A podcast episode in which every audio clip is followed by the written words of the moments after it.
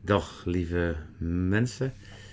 Ja, ik ben weer terug van vakantie, dus ik kan mijn filmpjes weer uploaden. En uh, ik wil graag uh, vandaag met jullie stilstaan. Uh, we hebben nog, ja, we moeten nog tien dagen, maar we hebben nog maar een paar dagen tot Pinkster. Dus nou ja, is al af en toe een extra filmpje krijgen deze week, zodat ik in ieder geval de 50 vol ga maken. Dat is ook leuk voor andere jaren als mensen deze challenge een ander jaar volgen. Dat zie ik ook met de vorige. Die wordt elk jaar weer door groepen mensen gedaan. En um, het is altijd heerlijk om zo'n uh, aantal weken met elkaar bezig te zijn. Um, vandaag wil ik het eigenlijk hebben over um, ja, dat de Heilige Geest echt andere accenten legt als, als de wereld. En ik geloof dat dat echt heel belangrijk is om te begrijpen. En dat het ook heel belangrijk werk is van de Heilige Geest om ons daarbij te helpen. Nou, als je in het Nieuwe Testament kijkt, ook in het leven van Jezus, wat natuurlijk uh, nou ja, het ultieme uh, openbaring is, ultieme leven, wat ook geleid wordt door de Heilige Geest hier op aarde, dat is het leven van Jezus. Zie je eigenlijk iets wat ik altijd heel opmerkelijk vind. Jezus houdt zich eigenlijk nauwelijks bezig met politiek of met wetenschap of met uh, de omstandigheden in de wereld. een enkele keer zegt hij daar iets over, maar dan is het vaak ook nog niet direct heel erg. Um, nou ja, uh, bemoeierig, zou ik het zo kunnen zeggen. Terwijl um, Jezus zich wel heel erg bezighoudt met religie. Hè? Dus met de religieuze leiders en met uh, geloof. Daar is Jezus wel voortdurend onderwijs aan het overgeven. Hij geeft dan het onderwijs van relatie in plaats van religie. Maar er is dus ook voortdurend een confrontatie met de religieuze leiders.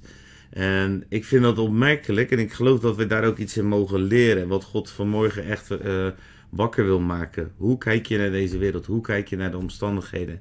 En de Heilige Geest wil ons helpen om een focus te krijgen op de juiste manier, omdat we anders vastlopen in een moeras wat eigenlijk helemaal niet ons mandaat is. Um, Jezus zelf zegt tegen Pilatus, als hij dus geconfronteerd wordt met de rechterlijke macht, met de overheid, zegt hij deze woorden, Johannes 18, vers 36. Mijn koninkrijk is niet van de wereld. Als mijn koninkrijk van deze wereld was, zouden mijn dienaars gestreden hebben, opdat ik niet aan de Joden overgeleverd zou worden. Maar nu is mijn koninkrijk niet van hier. En Jezus zegt dus: Mijn koninkrijk is helemaal niet van deze wereld. Jezus brengt het evangelie van het koninkrijk. En dat is zoiets anders als wat in deze wereld past. Dat stijgt zo uit boven de prioriteiten ook die deze wereld heeft. En Jezus legt dus hele andere prioriteiten. Ik heb zelf heb dat ook gemerkt, ook de afgelopen jaren in de hele coronatijd. Dat de Heilige Geest vaak over hele andere dingen sprak. Als waar de politiek mee bezig was. Of waar de wereld zich druk over maakte, dat de Heilige Geest vaak hele andere accenten legt. Uh, ook nu zitten we weer in een tijd, er is hier oorlog en daar is. Um, uh, het zijn inflatie, de prijzen gaan omhoog. We hebben het misschien moeilijker als voorheen. aan alle kanten zijn er dingen die moeilijker kunnen zijn en, en zijn er dingen bezig in de wereld. Maar het grappige is, als ik met de Heilige Geest ben, dan brengt de Heilige Geest me altijd weer terug naar zijn plan met mijn leven, zijn plan door mijn leven en zijn plan welke invloed ik heb in deze wereld. En, daarin ook daadwerkelijk God te zoeken. het woord van God zegt niet eerst voor niets, zoekt eerst het koninkrijk van God en zijn gerechtigheid. En dat is dus niet een koninkrijk van de wereld. En de rest zal je toegeworpen worden. Dus het zoeken van Gods koninkrijk en zijn gerechtigheid, dat is het werk van de Heilige Geest in ons. We mogen het, het je zou zelfs kunnen zeggen, het koninkrijk van God is de Heilige Geest. Maar eh, eh, je kan je, je zoekt het koninkrijk van God. Nou, wat wil het koninkrijk van God in jouw leven? Wat wil het koninkrijk God vandaag zichtbaar maken? Wat, waar mogen mensen gaan zien dat Jezus koning is in ons leven door de Heilige Geest? En ik wil je vandaag uitdagen om tijd te nemen met de Heilige Geest. En de vraag, Heilige Geest, wat vindt u nu belangrijk? Dus misschien zegt de Heilige Geest wel, je legt die kranten nou eens een paar weken opzij. Of misschien zegt de Heilige Geest wel van, joh, focus je nou eens even op dat gezin of op die mensen. Of focus je nou eens even op bidden voor iets in je stad of in je regio. En haal even je aandacht af van de landelijke politiek. Of haal even je aandacht af van het wereldgebeuren. Het is echt heel reëel. De Heilige Geest die wil ons eigenlijk helpen om te wandelen in ons mandaat. En in ons mandaat kan Hij ons dan ook geloof geven. En dat geloof kan dan die bergen verzetten in ons mandaat.